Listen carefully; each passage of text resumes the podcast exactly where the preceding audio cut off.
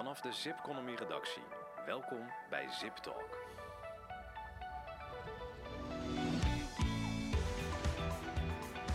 Een hele goede dag en welkom bij Zip Talk, de podcast van Zipconomy. Mijn naam is Narada Bouwland en uh, ik word zoals altijd bijgestaan door uh, Hugo-Jan Ruts, de hoofdredacteur van Zipconomy. Goedemorgen Hugo-Jan. Goedemorgen Narada. Nou, je hebt uh, de smaak te pakken met, met de live webinars, hè, of de live Zip Talk versies op LinkedIn. Ja. is ons de vorige keer goed, goed bevallen, hebben we toen spontaan gedaan. Uh, dus dat doen we nu weer. Ja. Uh, en ook niet zonder reden, want uh, er valt van alles te vertellen over de wet verduidelijking, beoordeling, arbeidsrelaties en rechtsvermoeden. Ja. Een, een hele mond vol. dus daar gaan we het zo met z'n allen over hebben. Um, daar hebben we een gast voor uitgenodigd. Dat is Alexander Kist. Goedemorgen, Alexander. Goedemorgen. Goed dat je er bent. Uh, we gaan zo meteen, uh, heb ik me meteen een vraag voor jou, maar ik wil me eerst heel eventjes richten tot de mensen die vandaag uh, voor het eerst kijken op, op LinkedIn. Nou, ten eerste hartstikke leuk dat jullie er vandaag zijn.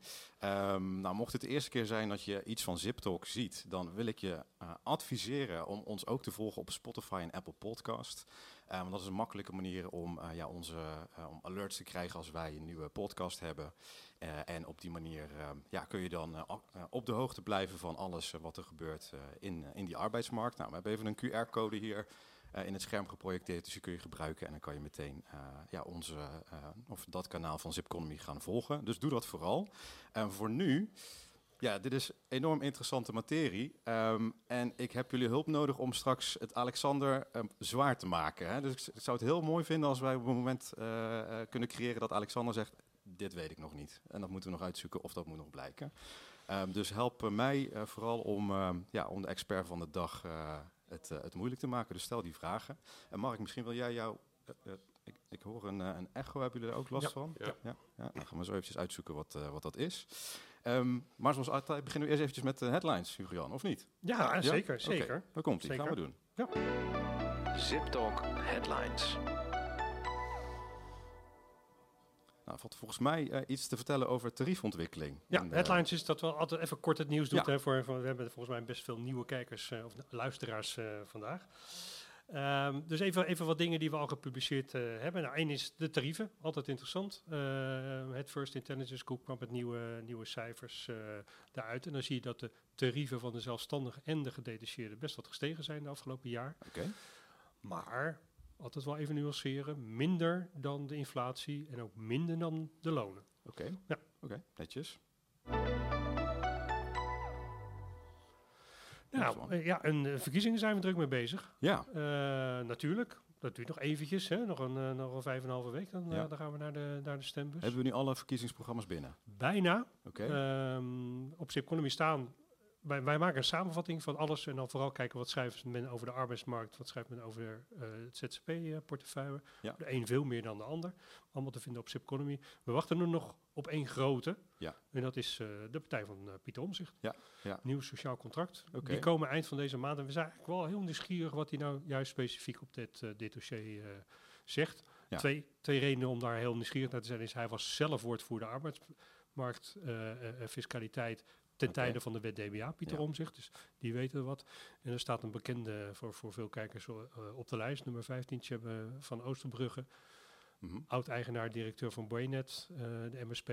Ja. Nou, weet niet wat hij meeneemt vanuit zijn eigen gedachtegoed. Want hij zit nu in een partij. Hij weet in ieder geval wel, waar we het over Hij hebben. staat vrij hoog, toch? Of Hij staat, uh, hij staat op plek 15, als ik het goed heb. Ja, dus als iemand iets Eh, moet bijdragen aan die paragraaf uh, sociale zaken, dan zou hij dat moeten zijn. Dat vermoeden heb ik wel, ja. ja. ja. Oké, mooi. Ja, en dan hebben we uh, meer dan eens de certifice certificeringsplicht, hè, uh, die eraan zit te komen of niet aan zit te komen voor ja. uh, mensen die, of organisaties die mensen bemiddelen. Ja. daar is een update over. Daar is zeker een update en een hele belangrijke update, want er was ooit een wet ingediend om naar een certificeringsstelsel te gaan. Ja. Nou, dat uh, heel veel kritiek van de Raad van State. Uh, we hadden het voor de goede luisteraar al eens een keertje in een vorige podcast uh, een beetje verklapt. Want iemand zei, nee, maar er komt wat anders. En dat, dat blijkt nu, want die wet is nu aangekondigd. Er komt een toelatingsstelsel. Oké. Okay. Dus het is geen certificeringsstelsel, maar een toelatingsstelsel. Materieel zitten daar wel wat verschillen in, maar okay. misschien niet eens zo heel erg groot. Uh, wat ook wel van belang is, er was ook wel kritiek op, ja, moet dit nou voor iedereen gelden die onder de WADI valt? Ja. De minister zegt, ja, dit moet gaan gelden voor iedereen die onder de wadi- Wadieveld valt. Dus dat zijn er misschien wel 15.000 eh, eh, bureaus. Ja. Niet alleen uitzenders, ook detacheerders, ook ZZP-bemiddelaars die af en toe wat aan detachering eh, doen. Maar wat is dan het verschil tussen certificeren en toelaten? Ga, gaan we nog eens een keertje Ja. uitgebreid op terugkomen, want het ja. voert dat ver om dat nu te doen. Maar vol- volgens mij is het vooral ook wie, wie geeft het af. Certificering was privaat, Ja. geeft het af. Eh eh toelatingsstelsel is meer de arbeidsinspectie die dat af, of die dat op zijn minst gaat controleren. Er komen 90 man bij om dat te gaan controleren. Ja, ja. Dus vooral waar leg je nou eh, de verantwoordelijkheid om dat te, te toetsen? ja ik zag veranderd. Alexander zijn vinger opsteken. Eens of wil je daar nog een nuance aan? Helemaal brengen? eens. Een Ja. heel belangrijk verschil is, wat er ook in de memorie van toelichting van dat stuk staat, is dat de minister kan besluiten, ondanks dat iemand gecertificeerd heeft, Ja. om diegene toch niet toe te laten. En dat is echt anders. Oké. Uitgebreid op terug, later, later. Nou, dan zijn we zover om eh, naar ons eh, hoofdonderwerp te gaan, eh, geloof ik. Ehm, nou, nog een keer. Het, is een hele mond vol. Wetverduidelijking, beoordeling, arbeidsrelaties en rechtsvermoeden. Ehm, om het ons makkelijker te maken gaan we dat afkorten. Hebben we vooraf besloten. Ehm, ja, de V-bar heb ik voorbij zien komen, de ABC-regeling. Alexander, jij mag kiezen. Hoe gaan we het noemen? Nou, ik denk dat we het de ABC-wet moeten gaan Ja? noemen, want dat blijft bij iedereen plakken. Er zijn ook al mensen die dat zo roepen.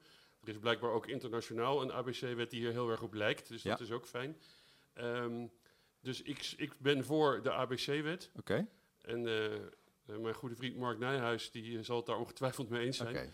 Dus eh, eh, laten we dat doen. En laten we met alle kijkers ook voortaan. er zitten ook wat mensen van het ministerie te kijken, mensen van de Belastingdienst. Heel veel bureaus. Laten we gewoon met z'n allen afspreken dat dit vanaf nu de ABC-wet heet. Ja, ja oké.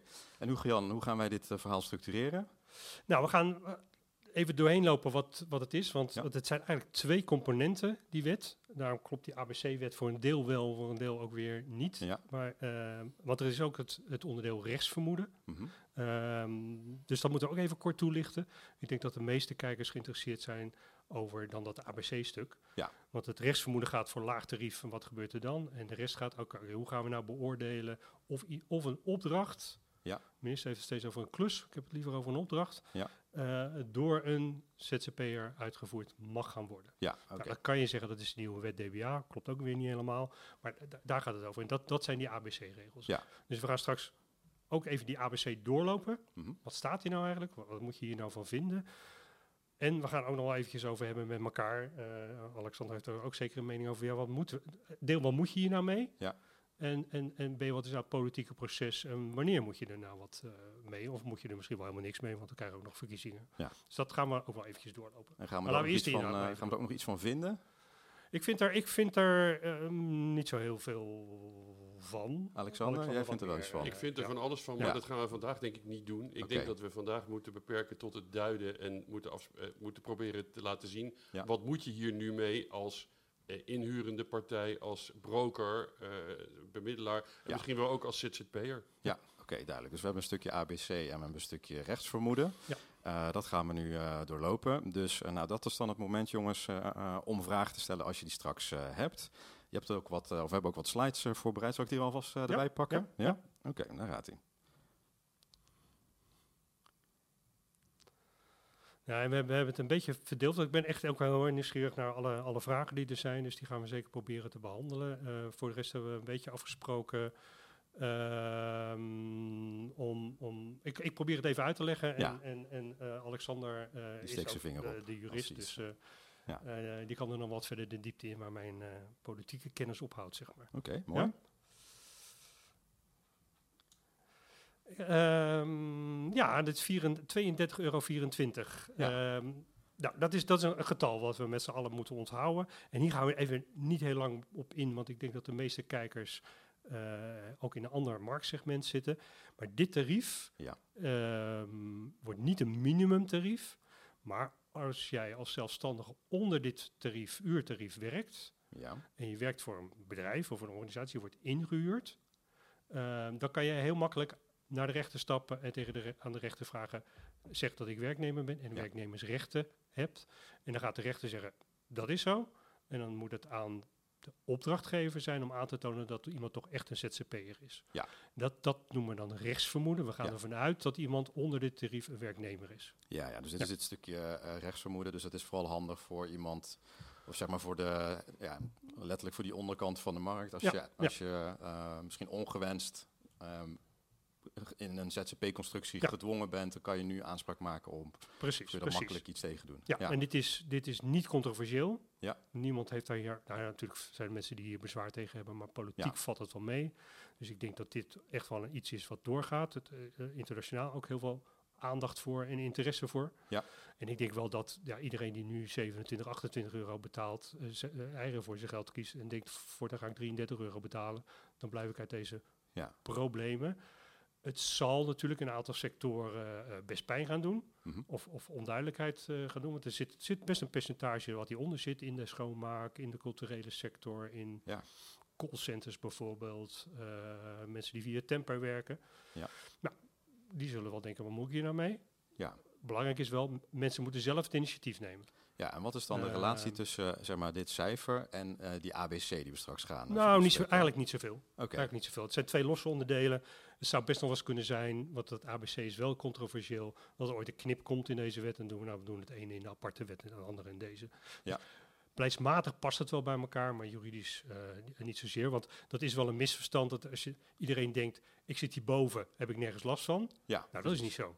Nee, want Dat dan, is niet zo. eh, Dan, dan moet je nog steeds eh, goed scoren binnen die criteria. Wil Absoluut. het echt, ja, ja. ja. ja, en ook- als je hieronder zit, overigens ook. ja, precies. Alleen als je zelf vindt, hey, ik wil eigenlijk liever werknemer eh, eh, zijn, Ja. dan kan je heel makkelijk naar de rechter. eh, ja, ja, eh, ja. ja, ja. oké, duidelijk. Tenminste, voor mij is die duidelijk. Ik ga heel even kijken of dit stukje ook voor de rest duidelijk is. Even zien.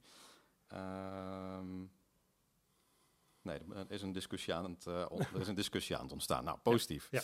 Oké, dan gaan we naar de volgende en dan komen we op het stukje. Ik Ja. zie wel één vraag die aardig is om te beantwoorden. Dat is Ja? die tweede op het lijstje. De absoluut snelste mogelijkheid dat dit gaat gebeuren. Oké, Ehm, want dat is nog niet morgen, maar eh, eh, eh, aan de ene kant, dit gaat er natuurlijk wel komen. Dus we, we gaan straks nog wel zeggen ook van, je moet gewoon langzamerhand wel gaan beginnen. Ja. Eh, maar technisch eh, gaan ze dit nog in internet, internetconsultatie brengen. Dat duurt dan weer een periode. Dan krijg je eh, nog het wetgevingsproces. Er zijn nog verkiezingen. Dus ehm, je kunt er gevoeglijk van uitgaan dat als dit op 1 januari 2025 ingaat, is dat een absoluut Max Verstappen record. Ja. Waarschijnlijk eerder halverwege 25 of 1, 1, 26 of iets dergelijks. Ja. Want, en het moet ook nog langs de Raad van State. Die gaat hier vermoedelijk ook nog wel wat van vinden. Ja. Dus voor je het weet ben je in 2026. Maar ga niet ehm, wachten. Ja. Ga, ga gewoon dingen doen. Want er zijn ook een aantal maatschappelijke aspecten aan. Waardoor je, eh, je moet toch een keer aan de bak. Of dat nou van de wet moet of van je opdrachtgever. ja, ja, maar dit is wel een belangrijke stap vanuit het ministerie in ieder geval. Dat er een, eh, een overzicht is van de criteria, zodat we die Ja, eh, En in we de polder kunnen bediscussiëren en in die verschillende kamers en in de Raad van State. We hebben natuurlijk het Deliveroo-arrest, waar, Ja. waar deze dingen ook voor een gedeelte in staan. En als er natuurlijk nu een zaak voor de rechter komt, dan gaat zo'n rechter natuurlijk stiekem ook met een scheef oog even naar dit kijken. Ja, ja, Ja. ja. oké. Mag niet, maar doen ze wel. Oké. Zullen we dan even naar die ABC gaan, eh Hugo Jan? Ja, hoe, zit, eh, ja, hoe zit dat ja. in elkaar? Ehm, tweede deel van die wet. En, en die wet is nu een internetconsultatie over. Er zijn al Ja, heel veel reacties eh, op, op binnengekomen. Ehm, maar wat, wat staat nou in dat tweede eh, deel? Dat, dat zijn die ABC-criteria. Dat staan hier ook even in, op, op het scherm. Dit is, dat is wel van belang, denk ik, niet iets nieuws. Feitelijk, wat, zo brengt de minister het ook, en hij heeft ook wel een punt, dit is geprobeerd wat er in de jurisprudentie al staat, Ja. proberen te verduidelijken. Daarom heet die wet ook verduidelijking beoordeling ar- arbeidsrelatie en niet nieuwe regels voor de beoordeling van de arbeidsrelaties. Oké. Er zitten wel nieuwe termen in, of een, of een poging tot andere eh, eh, termen daarin te gebruiken. Dat begint dan met, eh, nou, we kijken, we, we kennen allemaal de term gezag.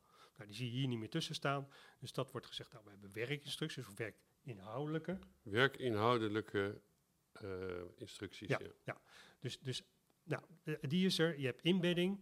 We gaan straks al allemaal nog even doornemen. En dan het ondernemen binnen de opdracht en het ondernemerschap zelf. Ja. Nou, met name dat laatste is nog een beetje ingewikkeld, maar ik heb het niet bedacht.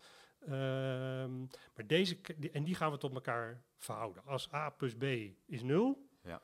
Nou, dat is volgens mij de volgende slide, weet ik Ja. niet helemaal zeker. Maar wordt naar deze drie eh, criteria gekeken en dan gaan we een optelsommetje maken. En als A en B er gewoon niet is, Ja. kan het als ZZP'er. Als A of B er is of A en B er is, kijken we naar C. Ja. En dan gaan we een optelsom maken. En als Ja, dat in evenwicht is, of, of dat ondernemerschap is zwaarder dan A en B, dan mag het als ZZP.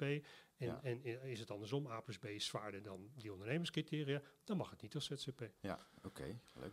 Ja, dus eh, dit soort criteria voelt een beetje als een spelletje en hoe kan ik die winnen? Dus wat zijn straks die criteria gaan we zo eh, bekijken. Ja. Maar eh, even over dat spelletje. hè. Dus dan heb je eh, die, eh, die A, die werkinstructies bijvoorbeeld. Daar zitten dus een aantal criteria aan vast. Ja.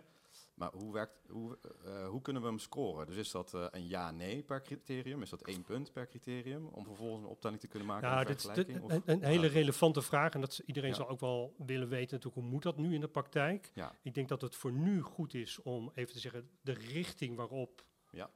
het ministerie, het, dit kabinet denkt.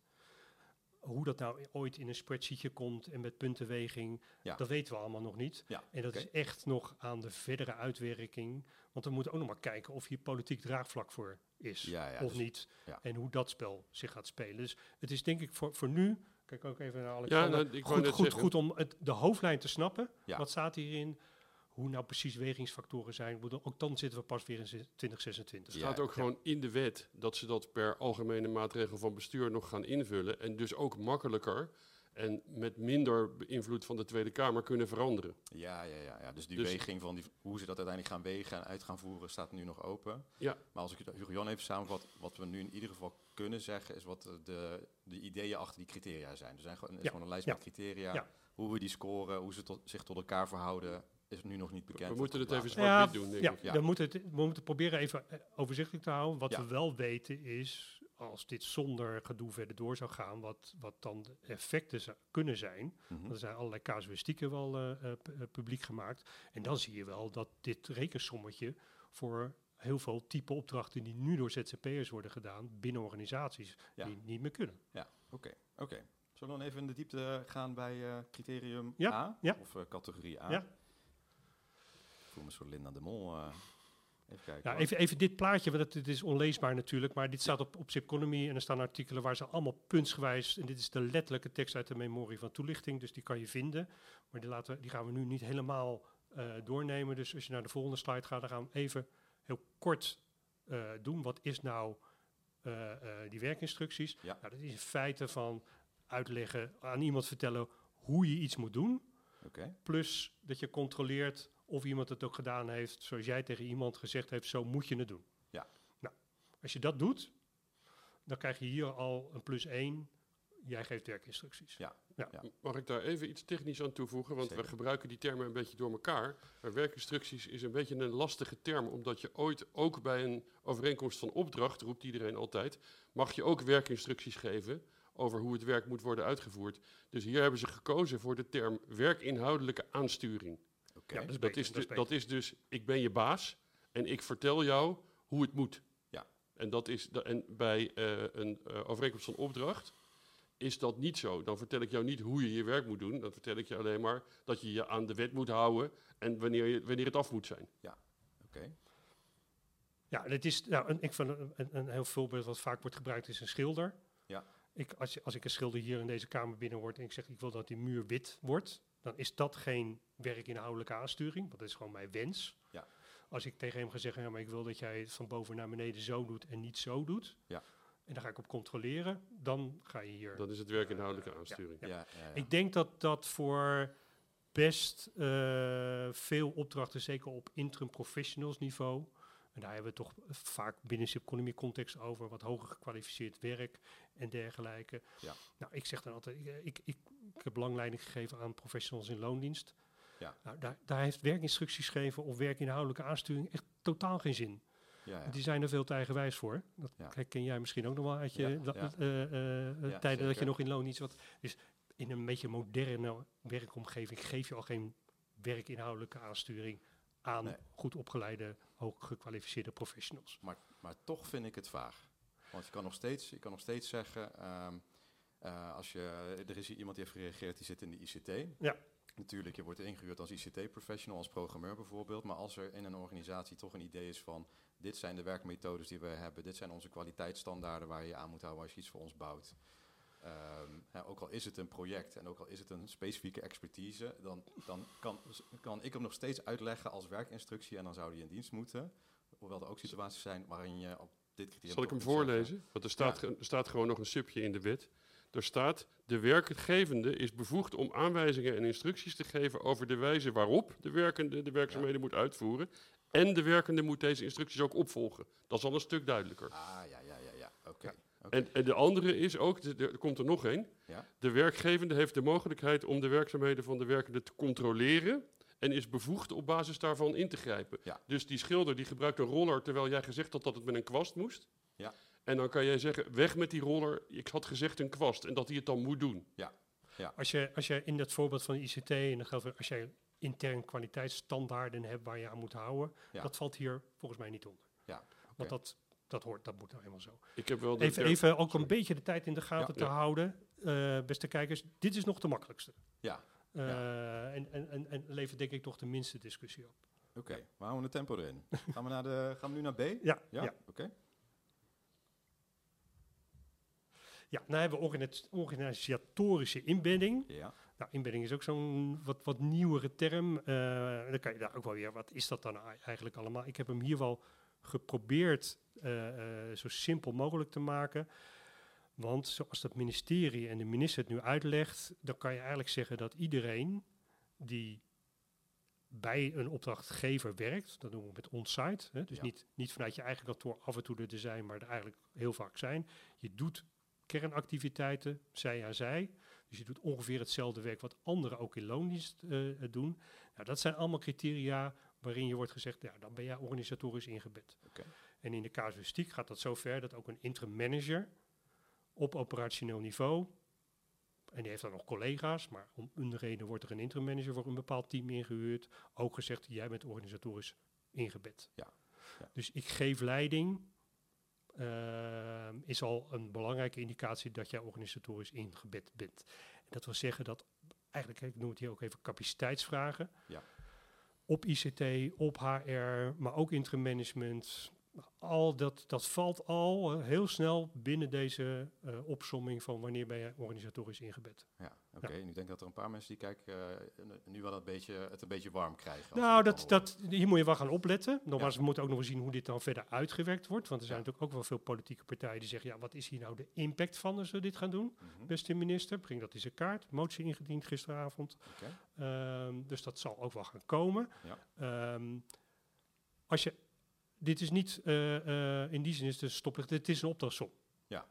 Krijg je geen werkinstructies, ben je wel organisatorisch ingebed, dan gaan we naar C kijken. Ja, ja, ja. dus je, ja, dus eh, dat organisatorisch inbedding, er is best nog wel mogelijkheden om daar dan toch onderuit te komen. Ja, Hè, ja. Het, is, het is niet zo dat als je organisatorisch ingebed dat het niet mag. Ja. Er zijn politieke partijen, waaronder de Partij van de Arbeid GroenLinks, die zeggen kernactiviteit per definitie nooit door een ZZP'er. Ja. Dat was overigens ook wat de eh, commissie Borstlap voorstelde. Nou, dit is genuanceerder. Ja, ja, Ja. oké. Dus eh, zeg maar voor de mensen die het nu warm krijgen, daar kunnen we nu tegen zeggen. eh, hou nog even die spanning vast tot en met C, want het gaat erom hoe A en B zich verhouden tot C. Dat klopt. En Ja. er is, en dat zeg ik met name tegen de interprofessionals, maar voor een deel ook wel opdrachtgevers. Ja, ehm, HR-professional bijvoorbeeld. De Ja. casus staat er ook in. Goed voorbeeld.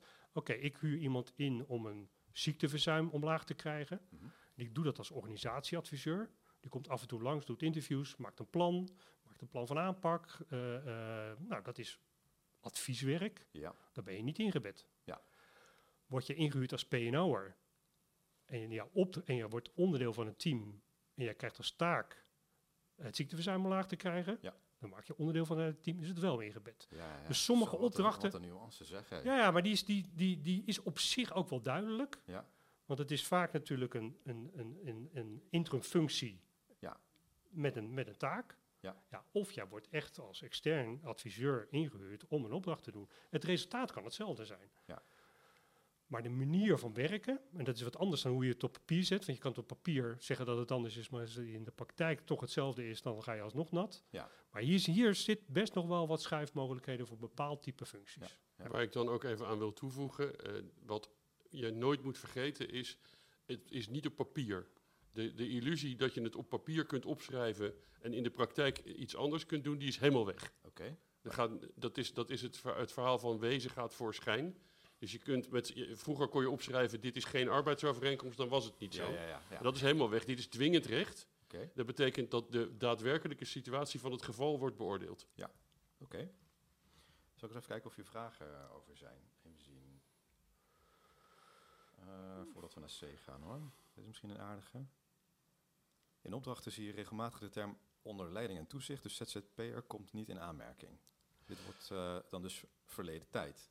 Nou ja, ik zou, ik zou hem niet zo zwart-wit doen. Want, want eh, eh, even weer terug in mijn vorige antwoord. Ja, B is maar één van de drie criteria en dat is Ja. een optelsom. Ja. Maar ehm, dus, dus nou, onder leiding toezicht is misschien eigenlijk meer A nog. Ja. Ehm, dit is een vage term. De poging in deze wet is om dit wat te expliciteren. Wat verstaan we daar nou onder leiding toezicht? Nou, en dat is die, wat was het ook weer? Werk, Werkinhoudelijke aansturing. werkinhoudelijke aansturing is één en die inbedding is twee. Dat is eigenlijk de nieuwe uitleg van de term ze hebben duidelijk, toezicht. ze hebben duidelijk geprobeerd om de term, eh, de, de, de baas uit het verhaal te halen. In 1907 had je natuurlijk gewoon een baas toen deze Ja. wet allemaal werden bedacht. En Ja. dat is niet meer zo, dus ze hebben dat verduidelijkt. Dat is hier, dit vind ik wel goed gelukt. Ja. Wij Ja. Overigens, eh, onder leiding en toezicht, die term zal niet helemaal verdwijnen, want die staat gewoon nog in de WADI. Oké. En eh, die staat ook in allerlei onderliggende regels nog. Oké. Eh, dus die zal voorlopig wel even blijven. Maar als dit allemaal wet wordt, gaat er op den duur natuurlijk overal onder werkinhoudelijke aansturing voor in de plaats komen. Ja, ja, ja. Ooit Ja, een duidelijk, Duidelijk. Oké. Nou, dankjewel voor eh, je opmerking, Arnoud van der Kroon. Eh, zullen we naar C gaan kijken? Ja, ja. Nou, even, even eh, hoe zat het ook alweer? Als die A en B er in enige mate zijn, Ja. ja, als het een heel klein beetje is, dan wordt er ook niet naar gekeken. Dus als het bijna nul is, dan is het prima. Als er één van die twee of alle twee iets van aanwezig is, dan ga je naar C kijken. Ja. En nu wordt het een beetje eh, eh, nou ja, ingewikkeld. Het wordt ook een beetje ingewikkeld gemaakt. En, en hier is zeker het laatste woord ook nog niet gezet, ook niet politiek. Wat de minister zegt, dan gaan we eerst kijken of jij ondernemend bent, kunt zijn binnen de opdracht. Oké. Dus wat zijn nou de omstandigheden in de specifieke opdracht waarvan je kan zeggen, nou ja, oké, je bent wel een beetje een ondernemer. Bijvoorbeeld, loop jij risico dat jouw factuur niet betaald wordt. Ja. Als dit ten failliet gaat, krijg je je geld niet. Of als je je werk slecht hebt gedaan, dan krijg je je geld niet. Dus dat is het debiteurenrisico. Neem je je eigen materiaal mee. Nou, Ja. dat is ook bij, bij eh, eh, eh, professionals soms weer wat in- ingewikkelder uit te leggen dan bij iemand in de bouw. Eh, heb jij specifieke kennis? Treed je naar buiten als binnen je opdracht naar buiten toe is duidelijk zichtbaar dat jij een externe bent. Ja. In België is het bijvoorbeeld al heel gebruikelijk dat je dan ext eh in je Ja. e-mailadres zet. Dan kunnen mensen zien dat jij een externe bent. Eh, ja, en zijn het hele korte of hele beperkte opdrachten. De korte opdrachtjes van, van een paar dagen, een paar uur in de week. Dan wordt gezegd, ja, nou ja, dan, dan zal je wel ondernemer zijn, want anders kom je Ja. hier niet. Maar dit zijn vooral op, eh, zaken die binnen de context van de opdracht gelden. En die dus ook niet zozeer aan de persoon gebonden zijn. Ja. Daar wordt als eerste naar gekeken. Ehm, Oké. ja. En dat is wat anders dus, maar daar komen we straks op. Want Ja. Dat zijn de C+. Van ben jij zelf een ondernemer? Heb jij meerdere Ja. opdrachtgevers? Dat zet hier niet in. Ja. Dit, is de, eh, de tekst is ook de opdracht wordt uitgevoerd of kan worden uitgevoerd voor eigen rekening en risico van de werker. En dat is Ja. denk ik ook wel, dat is wel het is, de formuleringen zijn best scherp. Ja, maar is dit dan niet, ehm, ehm, als dit, stel je voldoet aan dat criterium, is dan, zeg maar, eh, als je, of als je niet voldoet aan dit criterium, kan je toch onmogelijk een ondernemer zijn? Klopt. Dus, Ja. dus vanuit dat perspectief, dit zijn contra-indicaties. Ja. Daar is ook nog van alles over te zeggen, maar vandaag heb ik even geen mening. Ja. Maar dat, mijn mening is dat je dat eerst zou moeten doen, maar dat is voor een ander webinar. Ja, precies. Ehm, maar dus dit zijn contra-indicaties. Dus als je A en B helemaal of in grote mate hebt, dan doet dit er niet zoveel meer toe. Ja, ja, ja, ja dan kan Dan je moet je maar dat maakt niet uit, want eh, je bent ingebed en je krijgt werkinstructies, dus je bent gewoon in dienst. Ja. Ja, En dan overtreed je dus in principe de wet. oké. Ja, Maar- hier, hier, hier staan best een aantal hele concrete dingen in, maar het is lastig zichtbaar te maken. Dat zie je ook wel in de casuïstieken, hoe, hoe dit zo zwaar zou kunnen zijn dat dat de aanwezigheid van inbedding en instructies kan overroelen. Ja. En daarom zie je ook dat in heel veel van de casuïstieken de conclusie is, we hoeven niet naar te kijken of iemand ondernemer is, want dit telt bij elkaar al zoveel op dat het nooit buiten dienstbetrekking kan. Ja, ja. En dan eh, eh, eigenlijk net wat jij zegt, Alexander, in het vorige stukje over eh, hoe de situatie werkelijk is versus wat je hebt opgeschreven. Ja, maar hoe je naar buiten toe treedt. Hè? Of je, als jij eh, een website hebt en als jij een @ext eh, e-mailadres hebt, dan is dat nog niet voldoende dus om aan te tonen dat je echt een ondernemer bent. Ja, maar die webs dit- het e-mailadres, hebben we het Ja. hier over het e-mailadres wat jij eventueel gebruikt Ja, van je opdrachtgever. opdrachtgever zit, Die ja. website die je hebt, die valt onder C++. Die Oh, die valt onder C++. Ja, die valt onder C++, Ah, Oké, ja. oké, Ja. ja. En mijn eigen laptop, is mijn eigen dat is eigen materiaal. materiaal. Dat is eigen Ja, materiaal. dus dat is een indicatie dat ik eh, Ja, eh, zelfstandig ben. Ja, Ja. Oké, oké.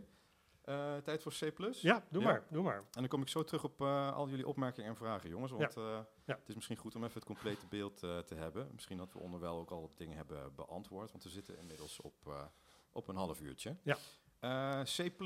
Nou, even, even wat, wanneer nou C++? Nou, als A plus B is ongeveer gelijk aan C, als het in evenwicht is, en we weten het eigenlijk nog steeds niet, Ja. dan wordt er naar C gekeken. Ja, Dus pas als alles in evenwicht is, nou, we weten het nou nog niet, dan gaan we kijken, ja, is dit, deze persoon nou een ondernemer? ja, maar dat is echt voor de, Eh. voor de moeilijke gevallen die op het randje liggen. Dan Ja, ja, Dus je, ja, je, zou, je zou willen qua beleid dat je niet al te veel eh, inzetten hoeft te beoordelen op C++. Ja, is dat het? eh Natuurlijk wil je dat, maar uiteindelijk is het natuurlijk zo als de, de, de situatie heel veel eh, punten aan beide kanten oplevert. Dus deze, deze figuur die onderneemt en die neemt zijn eigen werkbus mee. En, maar hij is ook gewoon, zit in de hiërarchie van de opdrachtgever en hij moet gewoon werkinstructies aan. Ja. Nou, dat, dan is het dus gewoon, da- dan is het, eh, blijft het alsmaar 0-0. Ja. En die situaties komen best veel voor. Oké, En dan zeg je, oké, maar in dat geval ga je kijken, gedraagt deze persoon zich in het economisch verkeer in het algemeen als ondernemer? Dus Ja. een interim manager die bij zijn 27ste opdracht is, dat is gewoon een ondernemer. Ja. En, eh, je- nogmaals, je zou eigenlijk liever willen dat je dat eerst doet, want dat scheelt een heleboel handhavingscapaciteit. Ja. Maar dat do- hebben ze nu niet voor gekozen. Dus eh, iemand die evident ondernemer is, dat, dat- die heeft dus ook al C'tjes, anders kom je er niet aan. Maar dus Ja. dan ga je nog, als het dan, het is gewoon een ondernemer, maar hij is ook werkinhoudelijke aansturing. Dan ga je kijken van, maar wat doet deze in het maatschappelijk verkeer? ja, En duidelijk. dan gaat het dus ook over je eigen website en dat je je aanbiedt met een bepaalde dienstverlening en je eigen, dat, dat, allemaal, dat je dus duidelijk een, een eh, ondernemingje bent. Ja, oké. Eh, eh, een goed voorbeeld gisteren, ik kwam gisteren in het debat ook naar voren. eh, dan hebben we het over een, een lerares Frans. Mhm.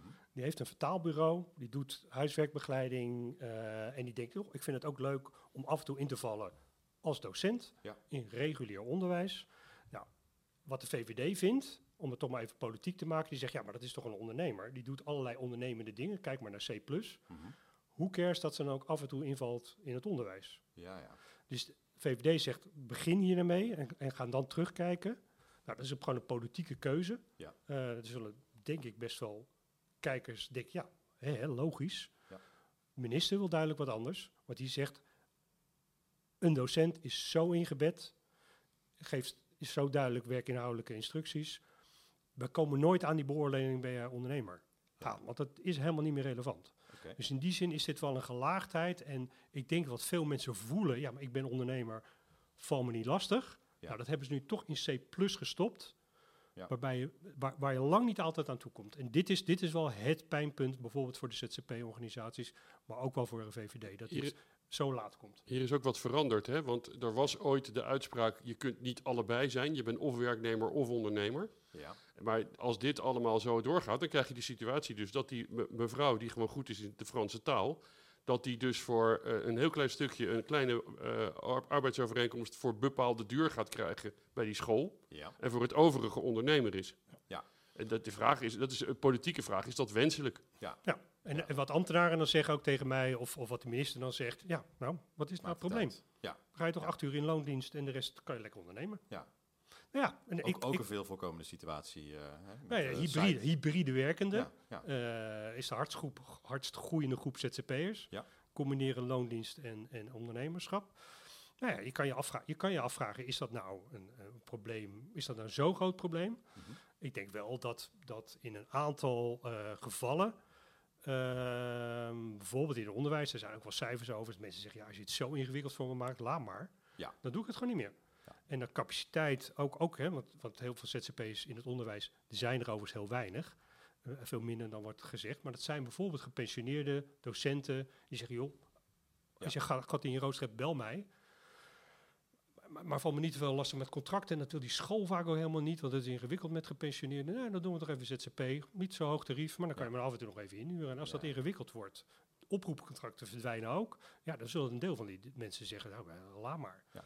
Beroepsonderwijs, eh, een, een professional inhuren die bijvoorbeeld echt vakonderwijs geeft. Ja. Ja. als je die met dit soort administratieve romslompen gaat, eh, gaat opzalen, dan denk je, nou, eh, laat Ja. maar. Nou, dat- ben dat ik is wel een die sectoren er zelf van vinden. Want dat is natuurlijk wel een klein beetje onderwijzend, onderwijzend eh, capaciteit die je mogelijk kan verliezen.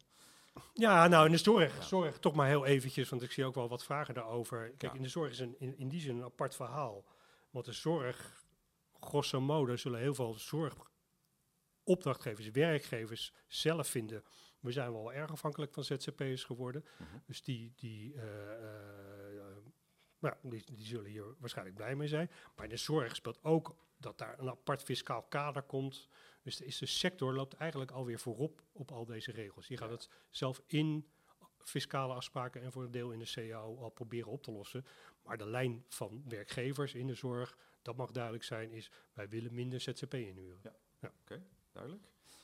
Ehm, is dit een moment voor vragen? Of, eh, Ja, even, ja, eh, ja, ik zit al een beetje te kijken. Ik hoop dat we een paar ook al, al gedaan eh, hebben. ik zie, maar ik zie ook wel heel veel onderlinge discussies. Heel leuk. Gaat heel Ja. veel over de culturele sector. Dat is, dat is een hele specifieke sector. Ik denk dat we daar niet te veel over moeten zeggen nu. Ja. Maar dan toch maar even een mening daarover.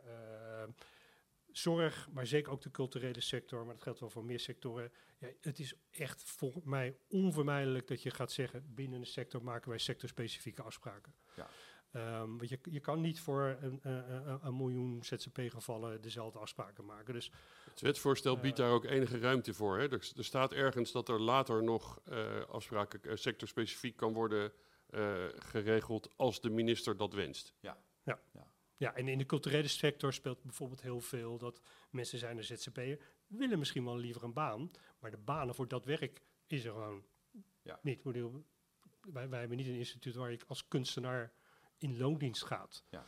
Ehm, dus dat, is- en, en daar zitten ook wel natuurlijk alle, alle eh, financiële aspecten. Ja. Nou, dan schiet je ook niet zo heel veel met dat minimumtarief.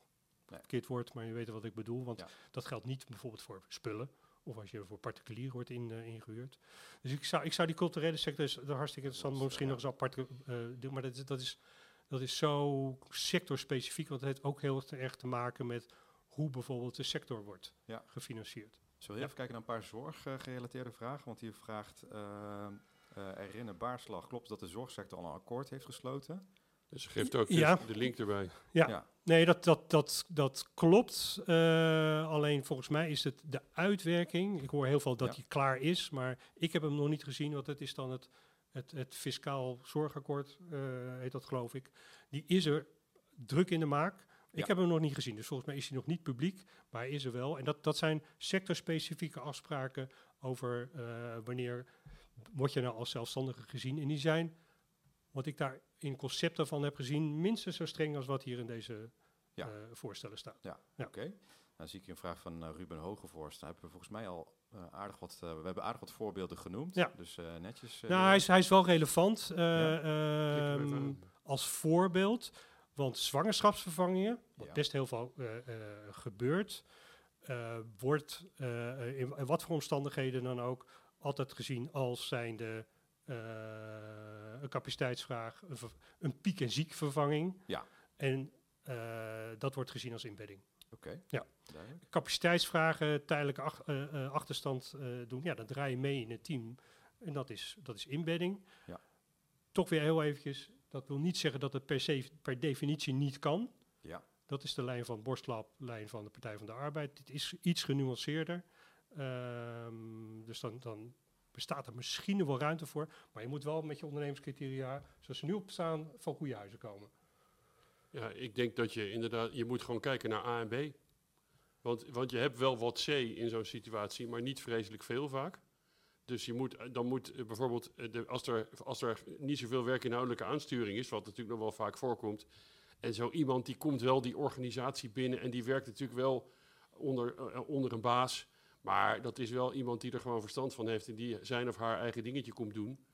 Eh, dan eh, kan je nog wel met de ondernemerscriteria, zeker die, mevrouw, die Franse mevrouw die jij net noemde, die gewoon naar buiten ondernemer is, daar zou je nog wel mee weg kunnen komen, maar het is ingewikkeld en het, het- het- ze willen het duidelijk niet. Ja. Ze willen dat daar gewoon of een uitzendkracht komt zitten, of iemand wordt ingehuurd op een contract voor bepaalde duur.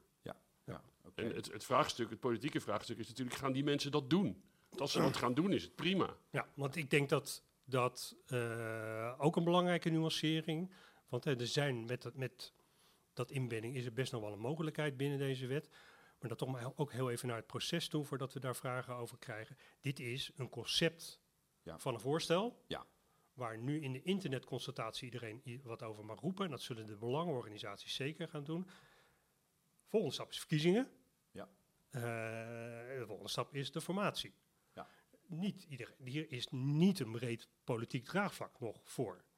Eh, links vindt dit te makkelijk, rechts vindt dit te ingewikkeld. Nou ja, het wordt dus ook een onderhandelingsspel. Hoe gaat dit eruit? Dan krijgen we dan een nieuw wetsvoorstel, denk ik. Ehm, waar, waar nog een boel in getweakt wordt. En dat is ook, ook eh, een zaak voor de belangenorganisaties om dit te doen. Dan gaan we dit hele eh, proces nog eens een keertje door. Nou, dan halen we 2025 echt niet. Nee. Dus dan zit je nou, eh, nog 2026 verder, of nog verder. Dus iedereen die nu personeel inhuurt, zou ik zeggen, ja, gooi niet morgen iedereen die ingebed Ja. is eruit. Ja. Nee. Geen enkele aanleiding toe. Eh, het is wel van belang. Denk alvast toch wel een beetje na over dit soort criteria. Nogmaals, werkinstructies, werkinhoudelijke aansturing van zelfstandig professionals. Ik zou het sowieso al niet doen. Zonde van je tijd, want ze luisteren toch ja. niet naar je. Eh, en- Nee, ze gaan het vervelend vinden en dan lopen ze Ja. weg. ja, dan lopen ze weg. Ehm, dat inbedding, nou ja, kijk maar eens of er mogelijkheden zijn om dat wat minder te doen. En, en eh, kijk ook alvast naar die ondernemerscriteria. Wat kan ik daar toch in mijn beleid al een beetje gaan doen? Want die, dat ABC-denken, eh, dat is niet zo controversieel. Het is de invulling die controversieel is. Oké, ik wil nog één heel vraag veel, doen voordat we naar, ehm, naar, eh, naar de afsluiting gaan, want Ja. we zitten al eh, over de 40 minuten. Ja. Ehm, Ariette Kat die vraagt, bij wie komt de bewijslast te liggen in dit dwingend recht, Alexander? Ehm, ik, het, het, het dwingend recht, dat betekent al dat het, eh, dus, dat, dat het moet. Dus ehm, als jij, eh, normaal gesproken, als jij als werknemer een eh, arbeidsovereenkomst wenst, Ja. of soms de vakbond wenst dat namens jou, dan moet je bewijzen dat het een arbeidsovereenkomst is. Ja. En dan ligt dus de, de, de bewijslast ligt per definitie bij degene die iets wil veranderen. Oké, Eh, en eh, dat, dat- bijvoorbeeld bij zo'n casus als Deliveroo, daar gaat de vakbond namens een heleboel mensen, en overigens zijn er ook mensen die het dan niet willen, dat is ook weer, wordt bij Temper wordt dat waarschijnlijk een dingetje. Eh, dan, dan gaat het dus ook over het maatschappelijke belang, bijvoorbeeld van het financiering, de financiering van het sociale stelsel. Maar uiteindelijk moet iemand dus dat, eh, het, iemand moet daar tegen klagen, als het ware, tegen in het geweer komen. En die moet dan bewijzen, jongens, dit zijn gewoon arbeidsovereenkomsten. Ja. Dus in, die, in dat geval, maar bewijslast is een hele goede term, want bij het rechtsvermoeden is precies dat omgedraaid. oké. Dus als jij een werknemer, of als jij een, een eh, ZZP'er bent en jij hebt een tarief lager dan 32 euro zoveel, dan ga jij naar de rechter en dan zeg je, ik vind dat dit een arbeidsovereenkomst is. Ja. En dan moet het bedrijf te- dat bewijzen dat het niet zo is. Dat gaan die bedrijven natuurlijk niet op grote schaal doen, dat is veel te duur. Kan je beter het tarief een beetje verhogen. En het is bij de ABC, want ik, ik, ik, ik lees de vraag ietsje anders. Ehm, Ja, het is meer volgens mij, moet ik het, moet Maar- ik het als, zet- als aannemer allemaal goed gaan regelen of moet de, Ja, de, ja. de opdrachtgever? Uiteindelijk heb je allebei belang dat het goed Ja. is. Maar dat is veranderd eigenlijk met het verdwijnen van de wet DBA. En, en dit is niet de nieuwe wet DBA, Ja. maar dit is een verduidelijking daarvan. Met de wet, wet DBA is één wezenlijk ding veranderd. Dat het gaat over controleren bij de opdrachtgever. Ja. Dus er komt meer handhavingscapaciteit. Er wordt ook straks weer gehandhaafd. Maar die gaan bij de opdrachtgevers langs en bij de bemiddelaars langs. Want als je inhuurt via een bemiddelaar, dan is het de eerste plek om te gaan kijken zijn die eh, brokers en de bemiddelaars, omdat het contract via hun loopt. Ja. Ehm, dus dus daar, daar, eh, eh, die zullen hun zaken goed op orde eh, moeten hebben. Als ZZP moet je je zaken natuurlijk ook goed op orde hebben, want je wil niet ineens als werknemer gezien worden als je dat helemaal niet wil. Ja. Dus, ehm, maar maar op, zich, op zich blijft het zo, het is nu ook al zo, dat vooral de opdrachtgevers gecontroleerd zullen gaan Ja. worden. Oké, duidelijk. Alexander, nog een laatste opmerking over de inhoud? Eh, heel veel, maar eh, Ja. laten we het hier maar Er even zijn, bij nog, laten. er zijn nog een hele hoop eh, vragen. Dus ik wil eigenlijk Ja. voorstellen als wij zo meteen eh, na dit verhaal nog even tien minuutjes hebben, dat we misschien een LinkedIn op de chat even kort antwoorden geven voor de mensen die die vragen hebben gesteld. ja, laten we Ja, dat zeker kunnen we nog wel eventjes doen, maar dan kunnen we in ieder geval deze sessie afronden. Ja, Hugo Jan, als men meer hierover wil weten, Nou, misschien ook nog even twee of drie slides verder, want Ja. daar, die hadden we er niet helemaal eh, eh, eh, voor ingezet. Deze hebben we besproken, deze hebben we ook besproken. Eh, toch dit maar even noemen. Ja. Ehm, al, al was het maar dat deze partijen ons team in staat stellen om al dit werk te doen. Ja. Is niet wil zeggen dat we altijd naar hun luisteren, maar dit zijn wel partijen waarmee eh, eh, je als opdrachtgever, maar ook als ZZP gewoon je vragen kwijt kan. Ja. Hoe zit dat? Ehm, dit zijn onze partners, onze kennispartners, maar die zitten natuurlijk op een kennisniveau om jou te helpen als organisatie. Hoe moet ik hiermee omgaan en wat is mijn verantwoordelijkheid daarvan als bureau en anderen? Nou, dat is één. De tweede, ja, we gaan hier natuurlijk op Zipconomie schrijven al heel veel. We hebben een apart dossier al ingericht om dit eh, eh, te doen. En de derde zeg ik er toch nog maar eventjes bij. eh, echt belangrijk om dit in de gaten te houden. Heel belangrijk voor de lobbyorganisaties om hier proberen sturing aan te geven richting dat politieke proces. Ehm, er is geen aanleiding om nu, nu stand te P in actie te komen en de zaak helemaal om te gooien. Ja. Want dit is echt een proces wat, wat, wat gaande is. Ik, ik zou inderdaad tot slot zeggen, je moet hier nu over gaan nadenken, maar je moet nog even niks doen. Je moet bedenken wat je mogelijkerwijs moet gaan doen in 2025 of 2026. Ja. duidelijk. Ja, want veranderen gaat, gaat het sowieso. Ik bedoel, er komt of dit nou wordt, maar er komt natuurlijk een verandering. En dat is, daar zijn we ook wel een beetje aan toe, zo langzamerhand. Nou, dank jullie wel, heren. Alexander, fijn dat je er was. Eh, hopelijk gauw, eh, gauw weer een keertje. Ja, leuk. Jan, jij ook bedankt voor je voorbereiding van dit, eh, dit stuk. En iedereen die gekeken heeft, heel erg leuk dat je hebt gekeken. Bedankt voor het stellen van vragen. We komen zo ook nog op een paar vragen terug op de chat. Ehm, en voor de rest, als je op de hoogte wilt blijven van het laatste nieuws binnen die arbeidsmarkt, nou, volg onze podcast op Apple Podcast en op Spotify. En maar kijk uiteraard ook op zipconomy.nl voor meer. Ik wens jullie een hele fijne dag verder en alvast een goed weekend.